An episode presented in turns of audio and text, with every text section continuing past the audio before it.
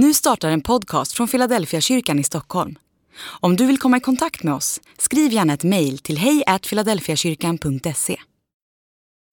Ämnet för idag, det skulle man kunna säga är att komma hem. Känns inte det riktigt skönt? Bara formuleringen, att komma hem. Jag har funderat lite grann på vad det innebär att komma hem. Och vet du, när jag börjar fundera så kommer en sån här gammal, gammal sång som jag fick sjunga när jag gick i söndagsskolan. Och redan då var den gammal. Men för mig var det en sån där sång som berättar precis om hur det kunde kännas. Jag ska försöka citera den. Det vore lättare om jag sjöng, men du ska slippa det. Så därför så citerar jag och då är det svårare att komma ihåg texten. Så jag tittar på den ibland. Då ska du få höra. Så här var den. I en djup oändlig skog, svart av moln, där åskan slog, gick ett litet barn en gång, dagen lång. Ja, den dagen var så lång, himlen mörk och skogen trång. Barnet i sin ensamhet gick och grät.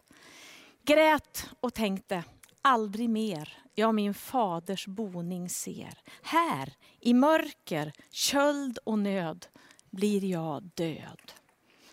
Just då så förtvivlat var molnen vek och solen klar glänste fram och i dess ljus Faderns hus. Allt var nu på stunden gott, allt stod nu som för det stått. Samma hem, samma far, allt var kvar. Så Guds barn går ofta du, djupt i mörker, kanske nu. Vet ej vart du kommen är, eller vart det bär. Men så visst som Gud är kvar och en evigt trofast far ska du än få ljus och tröst vid hans bröst. Det var en sån här riktig rimsång, men det är en sån här skillingtryck så det var en sån här väldigt tung melodi till. Och jag minns som barn, bara från det jag var några år, när han sjöng den här sången, Volger som han hette, min söndagsskollärare. Då tog det hela hjärtat. Jag kände på något sätt känslan, jag kände oron, jag kände rädslan och jag kände hur barnet kom hem. Nu var allt på stunden gott. Allt stod nu som förr det stått. Det där var som signalen för mig att komma hem. Att allting var där och allt fanns och allting blev som det var tänkt. Och jag tänker det där med att komma bort och att komma hem. Det är på något sätt den där eviga berättelsen som är runt oss människor. Det är djupt mänskligt. Ibland handlar det om att jag har tappat mig själv. Jag kan ha tappat fokus.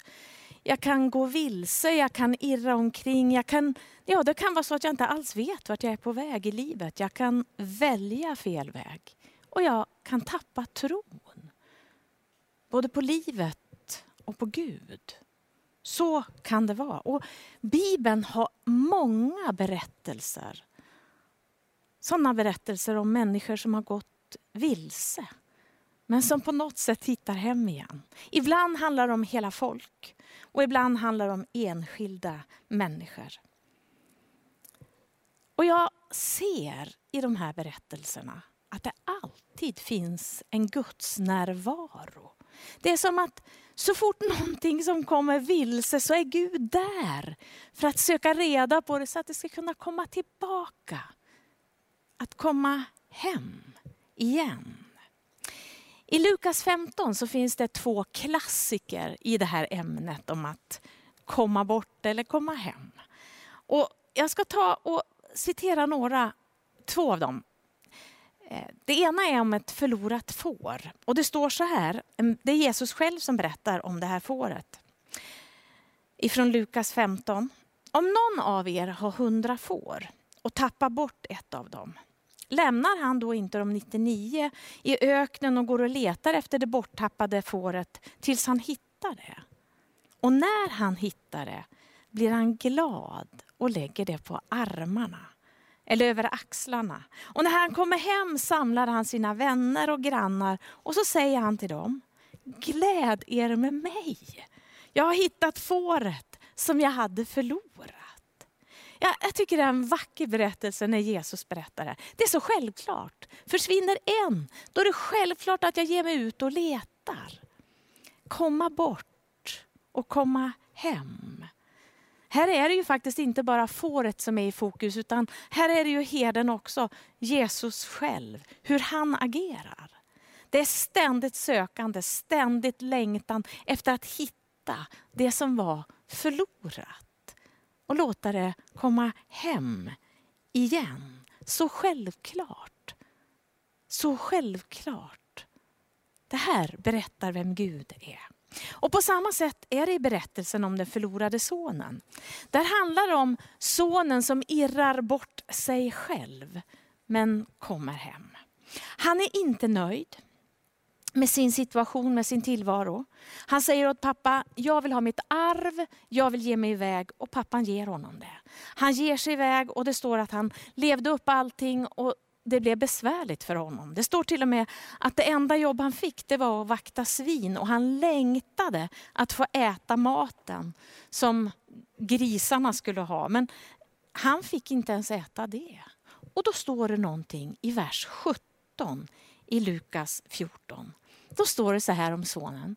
Då kom han till besinning. Och så tänkte han, hur många daglönare hos min far har inte mat i överflöd? Och här svälter jag ihjäl. Jag ger mig av hem till min far och säger till honom, far, jag har syndat mot dig och mot himlen. Jag är inte längre värd att kallas din son. Låt mig få gå som en av dina daglönare. Det här händer i den förlorade sonen. Han kommer till sig själv. Det, det kan man översätta att han kom till besinning. Han kom hem till sig själv och märkte hur det var. Och så tänkte han, så här kan jag ju inte ha det. Jag kan ha det bättre om jag ger mig av hem och bara blir en daglönare. Och så gav han sig av hem. Och då hände det här. Han gav sig av hem till sin far. Redan på långt håll fick fadern syn på honom. Han fylldes av medlidande och sprang emot honom och omfamnade och kysste honom.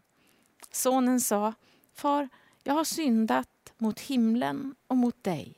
Jag är inte längre värd att kallas din son. Men fadern sa till sina tjänare, skynda er och ta fram den finaste dräkt och klä honom i den och sätt en ring på hans hand och skor på hans fötter och hämta gödkalven och slakta den så ska vi äta och hålla fest.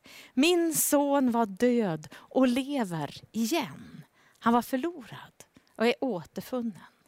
Och festen började. Känner du igen? Precis det som hände med fåret. När han kom hem så blev det fest. Och nu blev det fest igen. Men det finns en liten detalj kvar i den här berättelsen. Och det var den äldste sonen, brorsan. Han var ute på fälten, stod det. Och då han fick veta vad som skedde, att bror hade kommit tillbaka och nu hade man ställt till fest, han som hade bränt allting, så blev han upprörd. Kanske med rätta. Och så sa han, hur kan du göra så här pappa? Och då säger pappa till honom, mitt barn, du är alltid hos mig och allt mitt är ditt. Men nu måste vi hålla fest och vara glada för din bror var död och lever igen. Han var förlorad och är återfunnen. Jag tycker det är ett underbart statement. Någon har kommit hem och då måste man göra fest. Det måste man fira oavsett vad som ligger bakom. Här är det ju både sonen och fadern som är i fokus i den här berättelsen. Och hur agerar pappa? Ja, men det som han gör där, det är helt fel i den kultur där han är. Det står att han står och spanar och så står det att han springer. Det gör inte en äldre man och definitivt inte någon som äger en, en del saker. Men han sprang och han omfamnade och han kysste. Vet du, jag tänker att den här berättelsen berättar Jesus bara för att tala om Guds hjärta. Att tala om hur Gud är. När han är ute och söker den som har irrat bort sig. Tappat bort sig själv tappat fokus eller tappat tron eller tappat tron på livet. Sån är Gud. Han längtar att få säga välkommen hem. Och vet vad jag tror? Jag tror faktiskt att brorsan kom in på festen också. Visst, det står inte här. Men jag tänker, kanske han bara behövde höra att han också hörde hemma. Och det var ju det pappa sa. Allt mitt är ditt. Jag tror att där satt de tillsammans. Man skulle kunna säga i den här berättelsen att det är som tre saker som den förlorade sonen kommer hem till. Han kommer hem till fadern, han kommer hem till sig själv och han kommer hem till familjen eller gemenskapen. Och vet du, jag tänker att det där hör ihop. Fadern han togs emot med öppen famn. Han kom till sig själv för han insåg vad som var hans liv just nu. Och han behövde en förändring. Och han kom hem till sin familj och gemenskap. Och det var en viktig del i det här. Att få komma hem till Gud. Att få komma hem till sig själv. Att få gemenskap med andra. Det hör ihop det är inte enskilda saker utan det är som att det berör varann. Allt det där berör varann på något sätt. För att komma till Gud, det betyder faktiskt också att jag kommer att komma till mig själv och bli mer och mer den jag är. Men att komma till Gud handlar också om att jag måste rikta mig mot andra människor för att där hör jag hemma. Allt blir en helhet och en enhet. Mer och mer kan man få komma hem. Jag, jag tänker så. Jag kan få komma hem hos Gud en gång, men vet jag, jag kan få komma hem mer och mer. Jag kan förstå vem jag är själv, men jag kan få förstå det mer och mer. Jag får komma in i en gemenskap, men den kan bli djupare och djupare. Det tänker jag egentligen är vad kristen tro handlar om. Att alla de där delarna, relationen med Gud, med mig och med andra, det hör ihop. Helt beroende av varann. Och du kan inte bara komma hem till Gud och stanna där. Utan det kommer att beröra din egen personlighet, ditt eget liv, dina egna värderingar. Och du måste ta emot andra i ditt liv. För Gud har gjort det så. Han har till och med sagt att det är tillsammans ni förstår vem jag är. Det är tillsammans ni också kan se varann. Alla människor. Så det handlar inte att bara Gud och jag, utan det handlar alltid om Gud och jag. Och så handlar det om att jag får vara där. Men så handlar det alltid om relationen till alla människor. En helhetsrörelse skulle man kunna kalla upp och om och ut. En helhetsrörelse. Det, när det har med Gud att göra är det alltid den rörelsen det handlar om. Att komma hem. Det är tillsammans med andra och med Gud som jag kan gå vidare. Så funderar jag lite grann på vad det är jag har uppskattat av att komma hem till. Och jag, det första jag tänkte på det var när jag var i hjortronskogen. Jag brukar försöka komma ut och plocka hjortron varje år. Jag lovar att det inte hänt en gång att jag inte har gått ner i något sånt här dyhål. Så jag har haft smutsigt, illaluktande vatten i mina stövlar och blöt långt upp på benet och svett svettig av alla mygg och myggmedel. Och man känner liksom, åh, att då få komma hem. Och så ta en dusch och byta kläder. Det är skönt. Och vet du, ibland tänker jag, när livet är sådär, att jag går ner i en dypöl. Eller när det är svettigt och svårt. Då får jag komma hem. Och jag, jag, kan få komma hem till Gud och säga, Gud vet du nu, nu, nu måste jag få en dusch. Nu måste jag få något annat. Så tänker jag. En annan tanke jag hade, det är något som jag har fastnat i den här sommaren. För jag, jag vill ju säga det att jag, jag tror ju att man kan komma hem mer och mer till Gud. Eller jag ska säga att jag vet att man kan det.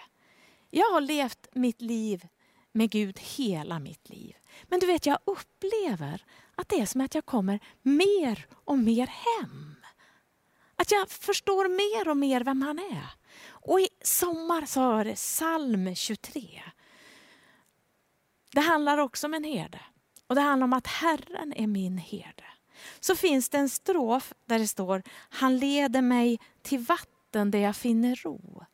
Jag läste en annan översättning och det bara slog mig. Då stod det så här, han låter mig hämta andan.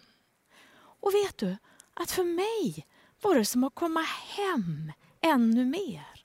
Att ana att Gud är där och så låter han mig hämta andan. Och det är inte bara att andas, utan det är att komma till ursprunget. Sån är Gud. Och det bara landade i mig. Och så var jag på en, en begravning. Och på minnesstunden så var det en som läste psalm 23 på Sorselemål. Jag kommer ifrån, mina föräldrar kommer från Västerbotten så det där är liksom lite hemtoner för mig. Och just strofen, han leder mig till vatten där jag finner ro eller han låter mig hämta andan, hade de översatt med han stryk mig invärtes. Och vet du, jag bara grät. Det var som att jag kom hem ännu mer. Att Gud är den som är på insidan av mitt liv. Och så stryker han mig där och säger Lena, nu är det du och jag. Lena, kom igen. Vet du att det är som att komma hem gång på gång till Gud. Så finns det ju en dimension till. Och det är att komma hem till Gud för en hel evighet. Och jag tänker där handlar det också om Gud och mig och andra. För det står att vi ska få vara i himlen med en stor skara människor. Och det står att Jesus han har gått före och han har förberett och att det finns många rum. Där är det du och jag och Gud. Jag träffade en person helt nyligen som visste att det inte är lång tid kvar handlar bara om en kort tid. Och jag fick förmånen att ha ett samtal med den här personen. Och så säger den personen, jag vet vart jag är på väg. Och jag vet vem som tar emot mig. Och då tänkte jag, det är ju att komma hem. Och den här personen sa, men jag tycker det är så spännande att veta, är det bara Jesus eller har han med sig ett helt gäng när jag kommer och tar emot mig? Och så sa personen, tänk Lena om jag lägger mig och sover nu och så vaknar jag i himlen. Vad underbart det vore. Och när jag gick därifrån så tänkte jag, vad är det som gör att den här människan är så trygg i att komma hem? Och vi har haft samtal och jag vet att den här människan har haft sina utmaningar i livet. Och som den uttrycker sig, jag har gått vilse men jag har alltid fått komma hem. Jag har gjort fel men jag har fått komma hem. Vet du vad jag tänkte? Kanske den personen har tränat på att komma hem under hela livet. Så därför är den personen så redo för att komma hem till Gud för evigt. Jag tror att du och jag borde träna på att komma hem. Att gång på gång söka oss till Gud. Nu ska vi försöka landa lite grann här och nu. Det är som jag säger, människan tycks ha en benägenhet att irra bort sig att tappa fokus och dra iväg. Ibland är det som i den där sången, i en mörk oändlig skog. Det är så mörkt omkring. Eller så fåret som har tappat. Eller den förlorade sonen som valde helt själv att faktiskt lämna.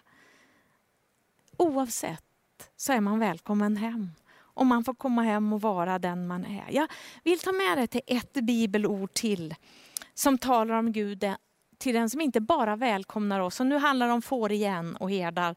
Men jag är lite inne i den där just nu. Men han inte bara tar emot oss, han söker upp oss och han tar sig an oss och våra liv. Så här står det i Hesekiel. Jag ska själv valla mina får och låta dem komma till ro, säger Herren Gud. Jag ska leta efter de vilsegångna och hämta hem de bortsprungna. Jag ska förbinda de skadade, hjälpa de sjuka och se till de starka och välmående. Jag ska valla dem på det rätta sättet. Och när jag läser det här och vet hur Gud tar emot oss, då skulle jag vilja ställa mig här och säga idag, och jag tror jag kan göra det och ha Gud i ryggen. Du är välkommen hem. Du är välkommen hem till Gud i en relation med honom. Du är välkommen hem till dig själv.